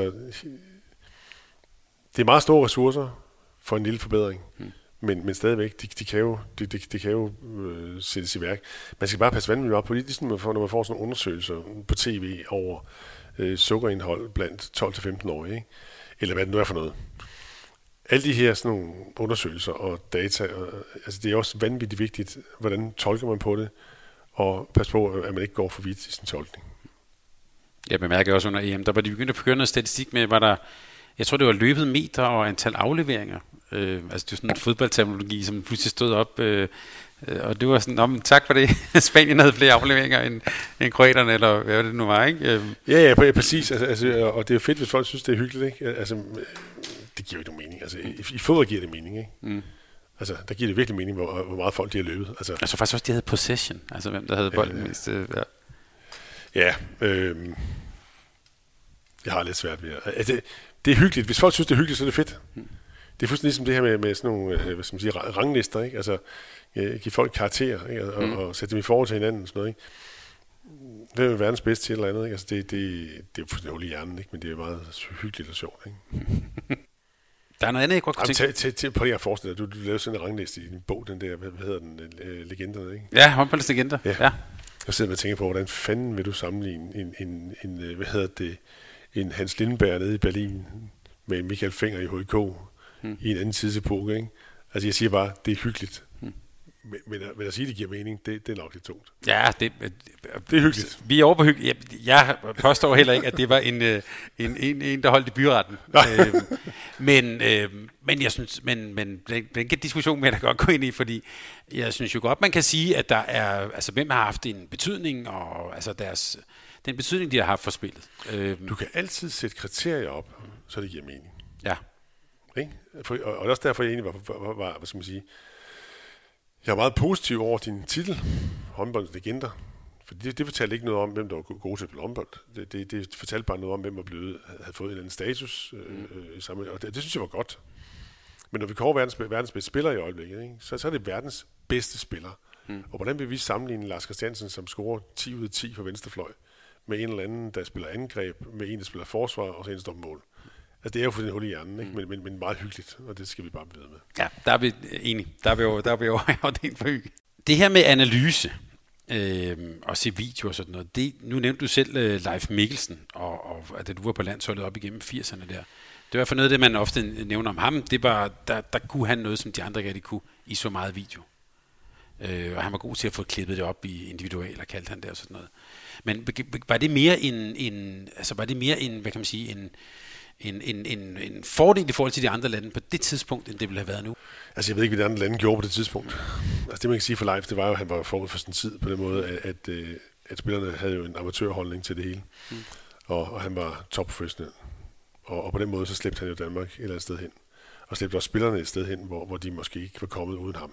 Mm. Øhm, jeg synes, jeg tænker på den, arme stakkels video, videomand. I dag så har vi jo sideline, det vil sige, mm. at jeg trykker på en knap, og så kommer der de sidste fire skud fra en eller anden spiller ind i sidste kamp. Ikke? Han sad altså klippet, og det tog lang tid, det kan jeg love dig. Mm. Og, og med maskiner, der var lige så store som det bord, vi sidder ved. Ja, altså. præcis. Altså jeg sad så, faktisk, da jeg var i Flensborg, der var det stadigvæk, jeg sad stadig med to VHS-maskiner. Mm. Og det var altså, samtidig så faldt jeg kraftigt med søvn, mens jeg sad og gjorde det. Jeg, jeg har faktisk præsteret og optaget det forkert hold samtidig. I, i, i, i et, et, et, et, et eller to klip undervejs. Jamen, så blev vi så meget klogere. Ja. men det var, men det kan man sige, der, der var I, altså, jeg ved, du på et tidspunkt har sagt også, at I måske overpræsterede i 80'erne i forhold til, hvad I måske sådan burde have gjort i forhold til træningsmængde, øh, hvor I var henne, øh, eller... Yeah. Altså det, det, det, var, det var en sjov tid, det var en fuldstændig anden tid, ikke? Øh, fordi Østblokken stadigvæk. Mm. Altså der var jo øh, Varsjave ikke? Og, og, og derovre, der var jo samtlige håndboldspillere, de var jo ansat hos militæret. Mm. Øhm, Eller politiet. præcis. Og, og levede jo som topprofessionelle spillere, ikke? hvor vi over i Vesten var, var i en anden situation. Ikke? Så det kan næsten ikke sammenlignes med det. Ikke? Men, men tænker du da også nu, at det var en overpræstation? Altså de, de, gange, hvor I var helt i toppen? Ja, det synes jeg, det, det tror jeg, det var. Det, det, altså, det, det, man skal måle det, ikke? Mm. Øh, men igen var det jo også små ting, der afgjorde det, ikke? Altså nu tog sådan vores VM i 82, ikke? Mm. Altså det var jo marginaler. Vi var heldige, ikke? Altså, vi var heldige på en to-tre øh, situationer, ikke? Øh. Og, og lige, ved, lige for at knytte den tråd der fra 82 til, til 2020, man siger jo også tit, at håndbold er øh, små marginaler spil. Det talte man også om ved, ved den danske præstation her i Malmø. Oh, men det var, det var, er, er, er det bare det, eller hvad? Og det var så til gengæld, synes jeg, at det var, det var sådan lidt, lidt for billigt købt, synes jeg. Øh, ja. Fordi øh, nogle af de hold, vi mødte, ikke? Altså, det var jo, det var jo marginaler. Ligesom forbindelse med damerne. Det var også, det var også et, et enkelt mm. mål, hist ikke? Ja, hvis nu man er foran med fire på det tidspunkt, ikke? så er det jo ikke marginalerne. Mm. Og nu møder man et hold, som man normalt skal stå med seks, så kan man ikke, så kan man ikke sidde pive over, at det er marginalerne i forbindelse med, at man så står lige, vel? Altså, så, altså, det blev marginalerne, men det, det, det blev det jo så, fordi vi ikke kunne banke dem, ikke? Ja, ja. Men tænker du, er, er håndbold en marginal sport, egentlig? Hmm. Jamen altså, vi, vi kan kun måle, måle op mod andre sportsgrene, ikke? Mm, jeg ved ikke, om det er marginal sport, men, men det, er jo, det er jo sjovt at sidde og se en håndboldkamp, ikke? Det kunne være så spændende engang at få lov til at rulle sådan en kamp ud af fire gange. Den ene gang, så rammer den inderside af stolpen, og så scorer de på det tidspunkt, og hvad skete der så bagefter, og så fik de selvtillid og så videre. Ikke? Mm. Og den anden gang, der, der prøver vi at ramme ydersiden af stolpen og se, ændrer hele kampen sig eller ej. Ikke? Så øh, der er jo en masse, masse småting i løbet af en kamp, som, som er held og uheld. Så siger man jo det her med, at, at, at øh, held og uheld, det fordeler sig så ligeligt hen over en sæson eller sådan noget. Ikke? Og det, det er også det, man har brugt med Ulrik Vilbæk, at, mm-hmm. at det, det kan jo ikke være held, fordi det, det er jo, der har vi alle sammen lige meget øh, øh, held og uheld. Ikke? Der er tit tænkt på, jeg tror altså ikke, at det er sådan med heldet. Jeg tror, Ulrik han var rigtig, rigtig heldig i nogle af situationerne. ja. og, og jeg tror, det er sådan, at alle mennesker, tror jeg, held og uheld lige mange gange i deres liv. Det ligger ligesom i begrebet held og mm. uheld. Men så er der bare nogen, der har, er sindssygt heldige, når de spiller Ludo. Det vil sige, at de slår rigtig mange sekser, og derfor slår de deres familie i Ludo gang på gang. Ikke? Så kan der være en anden, der er rigtig heldig i forbindelse med verdensmesterskaber, at bolden ryger det rigtige sted hen. Ikke?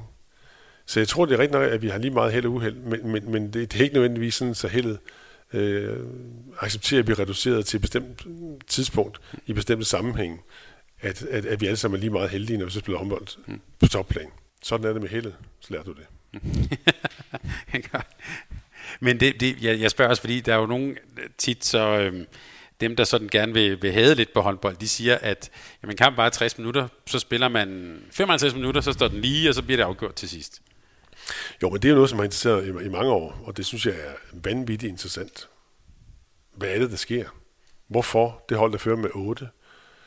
Nu synes jeg faktisk, der er en tendens til i øjeblikket, at, at, at folk bliver kvalt. Altså det vil sige, at vi ser til EM, mm. vi ser til ligaen, altså tager folk med 10, 12, 15, et eller andet. Ikke? Det var også overraskende til EM, hvor, hvor ofte der var nogen, der gik fuldstændig ned med fladet. Ikke? Og det, det er sådan en tendens i øjeblikket, synes jeg. For ellers har tendensen i flere år været sådan, at så er der hold, der fører med 8, og så kommer de andre tættere på, og så kommer de lidt fra, og, sådan, og, det, og, og noget af det har jo været er det her med, at, at, at, at uh, anspændelse og, og nerver kan spille en rolle. Ikke? Og når så et hold de kommer nok bagefter, så er det alt at vinde, intet at tabe. Og så øh, begynder de bare at, og, at, så, at er fuldstændig frie deres spil og skyder løs og så videre, og præstere bedre. Og når, når, man ser de der hold, der præsterer så godt, når de har alt at vinde, inden at tabe, så sidder man selvfølgelig tilbage med en følelse af, hvorfor fanden kan vi ikke skabe et, et, et psykologisk øh, rum, hvor, hvor man er i den situation hele tiden. For det er jo sjovt, så godt folk præsterer, når de pludselig ikke skal præstere. Mm. Så de håndboldkampe, som, som, som ender med at være et hold langt foran, så kommer de andre op og så videre, det er jo en psykologisk fænomen, som, som åbenbart er, at, man, at når man så fører, så bliver man sådan lidt, lidt uh, henholdende, og så tør man ikke helt, og så gør man ikke tingene fuldt ud, og de andre, de kører bare fuldt knald på. Det var vel det, der er forklaringen på, hvorfor den nivellerer sig ud til sidst. Mm. Ellers skal det ikke nogen mening. Mm. Nej, jeg, når jeg kigger på ja, sæsonen 1 har også spillet pænt mange tætte kamp. Øh, ja, ja, præcis. Men det er jo, ja, jo, altså selvom det er, ja, altså selvom man er ovenpå, og så ender det alligevel tit med, at nå, så vandt vi med to, eller? Mm, ja, men det var, det var faktisk noget, jeg arbejdede med nede i Flensborg på et tidspunkt. Der prøvede jeg, der prøvede jeg at lave sådan en tese. Øh, det var altså et år, hvor vi, jeg tror, vi kunne miste 6 eller 8 point. Der var målet, når vi tog til udkamp, det var at vinde med 10 mål. Altså det var, det, det sagde spillerne tit og ofte. Øh, fordi ellers så er man jo tilbøjelig til, sådan, når man kommer til en udkamp i Bundesligaen, så skal, nu skal vi bare vinde med en. Altså, og, så, så, og, så, og så det, man går efter. Og det vil sige, det er også det, man er tilfreds med, når man, når man nu er foran med en og bagud med en og sådan noget. Ikke? Altså, det, det er fint nok. I stedet for at få lagt overlæggerne et andet sted, så man kommer fri af, af hele det der, den tanke om, at nu skal vi bare ende med nogle af samme antal mål, og så skal vi lige vinde til sidst. Ikke? Mm. Så for at skabe en anden sådan, skabe et andet billede i hovedet på dem, så prøver, så prøver vi at køre med det det, det fungerer faktisk rigtig godt i en periode, synes jeg. Mm. Ja, for ellers er det bare, vi skal bare have to point hjem igen. ja, præcis, men, men, men, men det, er, det er også noget med, at, at man sådan, nivellere det ud selv op i sit hoved. Ikke? Altså, man kan også typisk, når man er et Aarhus-hold, kan man også, øh, har man også et, et problem i, når man møder Aalborg eller et eller andet hold. Ikke? Så står der 7-5 til dem, og så tænker man, at det er sgu fedt nok, ikke? Altså, vi, vi, vi er med endnu, ikke? Og, og så står der øh, 10-7, jamen vi er stadigvæk med, ikke? så det er ikke så galt. Ikke?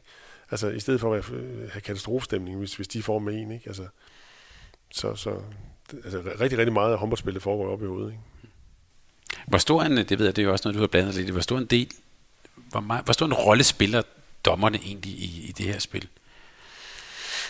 Øh, alt for stor. Det, det, er jo, det er jo en af vores, et, af, et af vores problemer, det er jo, at, at dommerne spiller for stor en rolle. Vi kan ikke gøre så meget ved det. Men der er jo så rigtig, rigtig mange øh, hvad hedder sådan nogle tvivlskendelser, ikke? Der er jo der kendelser, når vi ser det på sløve, så kan vi ikke blive enige om, hvad der, står, hvad der skal dømmes, ikke?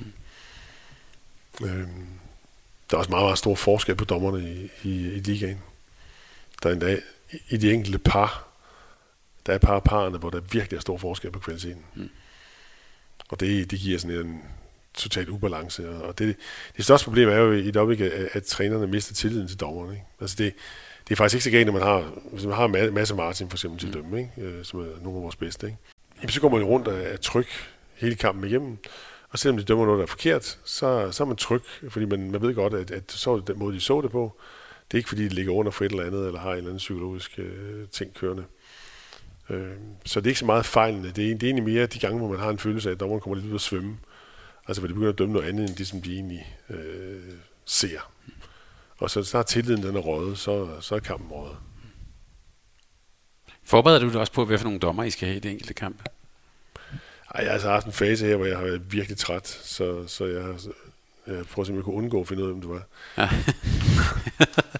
Ej, jeg, jeg har virkelig haft en, en, en fase i år, hvor jeg har været meget, meget øh, lidt tilfreds med den behandling, vi har fået. Øh, men øh, det er bare sådan, der. Mm. Nå, men jeg tænker, at hvis du ved, ligesom de, til, de tillader sådan en linje... Nå, til, nej, altså... overhovedet ikke. Jeg forbereder mig på, hvordan jeg, hvordan jeg skal styre mig selv. Altså, ja. bare, øh, altså, det, det er egentlig mere, det handler om. Det skal du lige sige lidt mere om. Altså, at, at, at, Nå, men om der ikke, der ikke er en i det, end, end at, øh, vi har også haft et, et, et par dommer, hvor man har sådan en følelse af hver gang, at, at, at, at man ikke bliver behandlet ordentligt. Ikke? Øh, så der, ligger der jo en, en vigtig forberedelse i at tænke det igennem, og, og så sørge for at komme fri af det, så man ikke ender op med at rende rundt og koncentrere sig mere om dommeren end om, end om spillet. Mm. Har du meget temperament? Det er lidt sjovt, fordi det, min nærmeste siger det også. Altså, jeg har sindssygt meget temperament, hvis det er en computer, der ikke virker, eller et eller andet, der, der ikke fungerer. Altså et eller andet driller. Mm. En fysisk ting. Mm. Men jeg har egentlig... Jeg er meget, jeg er meget øh, rolig, når det drejer sig om mennesker. Som, som for det, for det er så. Men jeg tænker også, i en, øh, i en kampsituation 2 gange 30 øh, der står meget på spil. Altså, det er jo, der bliver jo nogle ting, der bliver sat på spidsen. Jo, altså hvis jeg, hvis jeg den køre, så havde jeg da sindssygt meget temperament, ikke? men jeg har helt sådan en tredje person op i hovedet, som, som holder øje med mig, og så som jeg diskuterer lidt med. Øh, hvor er du henne nu? Øh, hvordan har du det psykologisk? Øh, mm. Nu må du lidt stoppe med det her. Ikke? Øh, det, det, det er det samme i forhold til mine spillere, altså, om, om den ene skal ind, og den anden skal ud. Altså, øh, der har jeg også en tredje person, som, som jeg lidt diskuterer med, øh, som holder øje med, hvad jeg føler, og hvordan jeg handler osv. Mm. Det er måske meget klogt at have sådan en på, på siden på skulderen. der er faktisk rigtig, rigtig mange situationer i livet, hvor det, hvor, hvor, hvor, det, hvor, det, hvor det er klogt at have sådan en side. Fordi vi kan ikke selv, vi kan ikke selv styre nogle følelser, øh, vi får, vi får udløst, men vi, kan, men vi kan selv styre, hvad vi gør ved det. Mm. Hvis vi lige holder øje med dem. Og der kan man sige, i, i håndbold, der er dommeren jo også lidt en ubekendt faktor. Altså, øh, netop fordi der er jo alle de der tvivlskendelser. Der er alle de der, altså, det er jo et uforudsigeligt spil på den måde, ikke? Jo, altså jeg synes, jeg synes faktisk, at, at, at, den mulighed, der, der, der er kommet, hvor dommeren kan gå over og se på en skærm, mm. det synes jeg har været en, en berigelse. Og det er sgu fint. Altså i stedet for, at man skal have de der kæmpe energiudladninger og for at stå over og skrige, så er det altså rigtig, rigtig fint, at vi har mulighed for at finde ud af, hvad der faktuelt er, er korrekt. Mm. Så det synes jeg har været en berigelse. Det er svært kun i tv-kampene. Hmm. Ja, ja.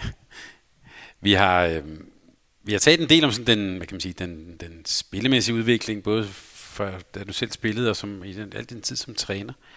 Øh, der er noget andet, jeg godt kunne tænke mig at spørge om. Det er ligesom øh, udvikling uden for banen. Øh, der er jo dels foregået sådan en professionalisering, øh, som du har været del af. Jeg tænker også på måden, man kigger på, på håndbold på Øh, hvordan oplever du sådan, hvis vi tænker det som sådan et kulturelt fænomen, eller håndbolden sådan position i samfundet? Hvordan er den udviklet sig? Altså man kan sige, der er meget bevågenhed omkring øh, landsholdet. Der er også meget bevågenhed omkring, sådan regionalt omkring øh, holdene. Mm. Øh, det er jo sådan, hvad skal man sige, en provins øh, sport på den måde, at, at København er jo ikke rigtig med. Mm. Øh, endnu i hvert fald. Der er nemt nogen tvivl om, at altså, fodbolden har jo alting gratis, kan man sige. De har en kæmpe, kæmpe platform øh, ude i verden. Ikke? Øh, det undrer mig lidt basket, ikke også kan få det i betragtning af, hvor stor platformen er i USA og så videre. Ikke? Men, men, men altså, når man tager sådan håndboldens historie, så, så, så, så, var det jo egentlig meget, det, det jeg spillede dengang, der var det jo sådan Virum og Holte og Gladsaxe og så videre. Der var masser af klubber øh, inde, inde i København, Saga. Øhm, så det, da, da der begyndte at komme penge, penge i håndbold, så forsvandt håndbolden fra, fra København, kan man sige. Mm. Øh, ud i provinsbyerne. om det er så nemt sagt. Ikke? Øhm, jeg tror, at, at når vi ser de her provinsbyer, hvor det fungerer så godt, i forhold til København, og egentlig også Aarhus, hvis vi tager sådan en lille smule, mm. og siger, at, at det er forbavsende, at vi ligger øh, dernede, hvor vi gør budgetmæssigt. Øh, så tror jeg, det hænger sammen med den lokale identifikation. Altså hvis du er i Skjern eller Holstebro, så betyder det noget for, for de lokale, om, om de banker dem fra en anden by. Altså, dem fra Skjern, de gider ikke tage dem fra Holstebro, og dem fra Holstebro, de gider ikke tage dem fra Kolding, så de er store idioter, ikke? Mm. Og så videre. Så den der lokale identifikation, og, og, og det, at håndbolden så bliver samlingspunkt de steder der, det giver jo en helt anden grobund for økonomi og for, og for det hele. Så, så derfor er det, er det jo endt med at blive at være sådan et regionalt fænomen, altså hvor man sådan slutter over omkring den lokale klub. Ikke? Øh, jeg ved ikke, hvad det skal til for at, at, at få, hvad skal man sige, få København med for alvor. Nu kan man sige, det var jo lidt kunstigt med, ikke i København, fordi, mm. fordi mm. Jesper Nielsen han gjorde det. Ikke? Øhm, jeg ved ikke, om det er muligt. En ting, som, som, som samtidig irriterer mig, og som jeg synes, synes er lidt... Øh, det, det er sådan ligesom med så meget andet. Øh, det er sådan, når når jeg sidder sådan på, når jeg sidder og ser news, ikke, og, og jeg ser, ser sådan forskellige udsendelser, at så nogle mennesker har utrolig øh, travlt med, og det er meget vigtigt for dem at sige, at de ikke ser håndbold. Som om, at, at fordi man bruger kartoffelrækkerne og går, går på kunstudstillinger inde på Statens Museum for Kunst, så er sådan noget, sådan noget håndbold, nej, det ser jeg ikke. Det, det forekommer mig at være... Mm, jeg kommer til, jeg, jeg har ligesom Frank Vam næsten. Jeg kommer til i skoene. Jeg synes, det er pinligt for dem. Jeg synes, det er til at græde over. Altså, jeg, jeg, jeg, synes, jeg synes virkelig, det er, jamen, det, jo, det er ligesom en Frank Vam udtalelse. Øh, sådan, hvorfor kan det være så vigtigt for en at fortælle, at det, det, det, det ser jeg i hvert fald ikke. Altså, fordi jeg er et andet sted i mit liv. Håndbold er enormt sofistikeret. Håndbold er rigtig, rigtig mange ting. Håndbold er klappølser og hotdogs. Det er det på den ene side. Men når vi ser, hvad der foregår på en håndboldbane, og i, den, i sådan en gruppe mennesker, der render rundt inde på og, og spiller, så er det jo et fantastisk socialt felt. Det er sindssygt interessant, hvad der foregår. Og jeg vil sige, rigtig, rigtig mange steder kunne man lære rigtig, rigtig meget af sporten, hvis man gad kigge ind bagefter, øh, bagved. Når jeg hører rigtig mange af de klichéer, som også trænere rejser rundt med, når de fortæller om den der klichéagtige måde, hvor de fortæller om, om, om håndbolden på, så kan jeg godt forstå, at folk synes, det er fordummende. Men når vi går ind og, kommer ind og ser ind bagved, hvad der rent faktisk foregår, hvordan der i et, i et enkelt hopskud faktisk er et helt liv bagved, altså tørn springer op, tørn ikke springer op, hvad sagde far og mor til det, hvordan havde jeg det som barn, bla bla bla. Der, der ligger jo, altså det er jo så komplekst et, et, et foretagende, og så spændende et foretagende, så jeg synes ikke, at man nødvendigvis behøver sådan noget ser jeg ikke. Men er det ikke fordi håndbold er blevet, det er blevet øh, et stykke lavkultur? Altså, øh, du siger det selv, det er rykket fra de store byer, Aarhus, København, ud i, øh, ude i provinsen. I, men, men jeg tror også, der er nogen, der vil sige, at, nu, øh, at, at øh, sådan en person som dig, og den generation, du repræsenterede, det var sådan, øh, øh, det var jo, I var jo alle sammen studerende. Øh, altså, øh, jeg tror, Leif Mikkelsen sagde, at I havde en høj mental kapacitet. Nu er det blevet lidt mere sådan en, øh, en, en provinssport, ikke helt så sofistikeret. Og der sagde du altså rigtig mange ting på meget kort tid, ja. så jeg, jeg kan næsten ikke øh, følge med. øh, altså, jeg ved ikke, om noget er lavkulturelt, fordi det ikke er i København. Det startede du med, ikke? Jo, og det, det, jeg vil sige, det er ikke, jeg siger, det er den opfattelse, det jeg har fået. Altså, øh, dem, dem du ser på news, som gør utrolig meget ud af, at de ikke ser håndbold, det handler, jo, det handler jo rigtig meget om, at håndbold bliver opfattet som en form for lavkultur, der foregår i boksen i Herning med klappølser og øh, meget, meget mærkelig musik, der bliver drønet afsted. Øh, altså, det, på, det, det, er jo sådan, det er jo i hvert fald det, som nogen vil opfatte det som. Jeg var sådan, sådan jamen det er igen, altså lavkultur, ikke? Altså, det, øh, hvis, hvis du kan definere ordet for mig, så vil jeg være glad, for altså, altså, en, en hunde, hundeudstilling i Næstved, er det lavkultur? Eller er det overhovedet kultur? Øhm, altså, hvor- hvor- hvor- hvornår bliver noget ophøjet fra at være lavkultur til at være kultur? Altså, Jeg vel ikke kunne give dig en, en fuldstændig endelig Men, men, begrebsdefinition. det behøver, men, men, men, men det behøver heller ikke være kultur. Men, men, men, men det, det, de personer, du sagde, de vil gøre utrolig meget ud af, hvor meget de ser cykelsport. Øhm, nogle af dem vil også gøre utrolig meget ud af, hvor, hvor, hvor sofistikeret fodbold er og sådan noget. Ikke? Ja. Så, så der, altså, på den måde er der sket, du kan så sige, en kulturel sådan, øh, der er kommet lidt markat. Altså, jeg synes, det var meget bemærkelsesværdigt, da øh, Maja Ilsø skulle lave den der Arvingerne tv-serien. Mm. Der, skulle hun jo, der havde hun jo på den ene side sådan et kunstnerisk miljø, ja, hvor de sjovt. malede Ja, ja, og sådan. ja, præcis, ja. Øh, og så skulle hun jo, det hun også, så skulle hun så have en modsætning til det. Det var så Sydøst, Sydøstfynshallen, Ja. ikke? Det var så håndbolden der. Ja, det er rigtigt, ja. Øhm, og der var nogle af os, der ville sige, jeg kunne ikke se den store forskel, men, men, men det var sådan, det var sådan, det blev tænkt, det var, lidt, altså, det var sådan det, det der modsætningspar, der skulle laves, ikke? Og det var nogle ordentlige mennesker, der var i Foreningsdanmark, og de der kunstnere var, var selvfølgelig meget mere komplekse mennesker, men, øh, men tænkte på en helt anden måde, ikke? Det var det modsætningspar, hun stillede. Men det, men det, men det sjove er jo faktisk, altså, hvis, hvis, hvis der starter inden, inden for selve hold, øh, sporten, ikke? altså inden for selve håndbolden. Så hvis jeg prøver at se, sammenligne, hvad der foregår i, på et elitehold, med hvad der foregår på et dames 2 hold ikke? Så alle de intriger, der er på dames 2 hold alt, det her med, skal den ene spille, eller skal den anden spille, man skal kun spille, når man kommer til træning, men Erna skal være med alligevel, fordi ellers kan vi ikke vinde. Ikke? Hvis du prøver at se, hvad der foregår på sådan et hold i forhold til et elite sportshold. Et elite sportshold er jo kendetegnet ved, at der er en hel masse sådan, grundregler, som, som alle er, er nødt til at overholde, og som alle indordner sig under, for at være en del af, det, af det her fællesskab. Ikke? Hvis vi er ude i, i, i nogle af de andre miljøer, som du omtaler her, øh, kunstmiljøer, og, øh,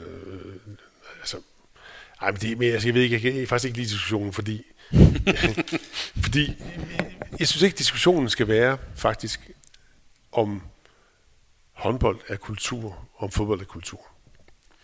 Det, der er ved fodbold og tennis og golf, det bliver sådan lidt ophøjet, fordi der er million milliarder kroner, og når der er pengested, så synes folk også, det er noget. Jeg har været haft fornøjelsen af at være inde bagved over ved Arsenal, eller hvad se, eller hvad hedder det, Liverpool og så videre, ikke? Og, og se, med hvilken ophøjethed det foregår, fordi folk, de har røven fuld af penge. Så det der, er, det, der er ved håndbolden, det er formentlig, hvis nu, vi, hvis, hvis, hvis nu vi, i stedet for de lønninger, vi har i håndbold, hvis nu de samme mennesker, der sidder og siger hø på, hvad hedder det, på news, de vidste, at de her spillere, de tjente hver 50 millioner. Og de kørte en eller anden kæmpe stor bil. Så tror jeg, så tror jeg, at man vil ophøje det til noget andet. Tennis, altså jeg mener, jeg kan godt lide at spille tennis, ikke? Men det er med et røgsygt spil, ikke? Men det er bare blevet fantastisk, fordi der er så mange penge i det. Så, så jeg tror egentlig, at, at grunden til, at håndbolden er endt, som så må sige, øh, sådan i folks bevidsthed, øh, sådan med, øh, som vi kalder øh, lavkultur, ikke? Øh, jeg tror, det hænger sammen med, at der ikke er den økonomi i det, som gør, at man får en placering i samfundet. Øh, baggrund af økonomien. Mm.